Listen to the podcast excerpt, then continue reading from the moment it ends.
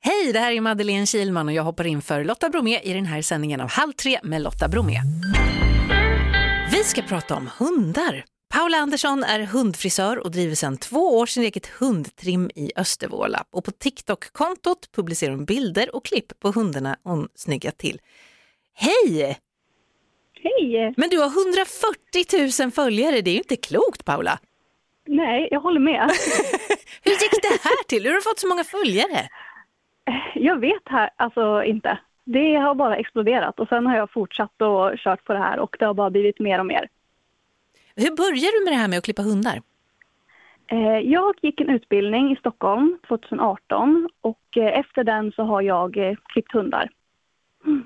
Finns det någon slags generell hund? För man vet ju så här, ja men pudlar klipper man på det sättet och andra hundar klipper man på det sättet. Men finns det någon generell frisyr för en hund?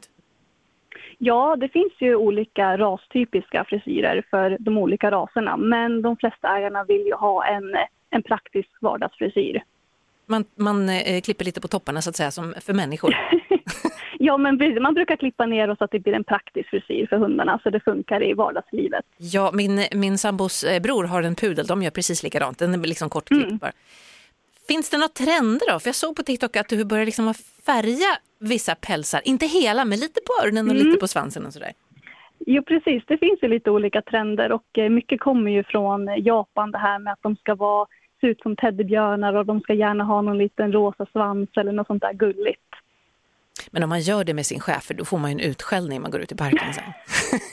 ja, ja, en del ägare vill absolut inte ha nej, det. nej. Har du något tips då? Vad ska man tänka på när man sköter sin hundspäls? Eh, bad och eh, fön är viktigare än vad man tror. Fön också? Mm, det är jätte, jätteviktigt. Jag tror många ägare inte tänker på just att föna sina hundar. Men inte hunden heller antagligen. Men Nej, nej inte men varför är fön det heller. viktigt? Eh, För då separerar du hårstråna. Man tänker ju själv om vi blöter ner vårt hår och låter det självtorka, då klumpar det ihop sig lite grann. När man tar en fön så separerar du hårstråna och det blir togfritt. Och de ser ut som små bollar, det är också väldigt gulligt. Ja, precis. Hur ofta ska man tvätta sin hund då? Eh, Jag tycker, det är ju lite beroende på ras, men åtminstone en gång i månaden på de här klippraserna. Och hur ofta ska man gå och hälsa på dig eller klippa sin hund själv? Jag tycker mellan var sjätte till var åttonde vecka. Har det någonsin kommit in någon med ett väldigt konstigt önskemål när det gäller klippning av hunden? Ja, det händer lite titt som tätt. Oftast kommer de in och visar upp bilder på, det kan vara alla möjliga olika frisyrer och det är oftast en helt annan ras på bilden än vad de har med sig in. Jaha! Så att, det, ibland blir det lite tokigt men då förklarar jag bara för ägarna att vi gör nog så här istället så blir det bra. Någon slags kompromiss ändå? Precis, man får kompromissa lite.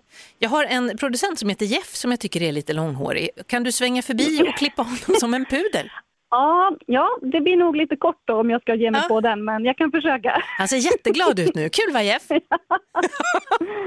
Du, Paula Andersson, tack snälla för att jag fick ringa och prata med dig. Ja, tack själv. Ha det så bra. Ja, detsamma. Ett poddtips från Podplay. I podden Något Kaiko garanterar östgötarna Brutti och jag, Davva, dig en stor dos skratt. Där följer jag pladask för köttätandet igen. Man är lite som en jävla vampyr. Man har fått lite blodsmak och då måste man ha mer. Udda spaningar, fängslande anekdoter och en och annan arg rant. Jag måste ha mitt kaffe på morgonen för annars är jag ingen trevlig människa. Då är du ingen trevlig människa, punkt. Något Kaiko, hör du på Podplay. Därför arkadeinerna.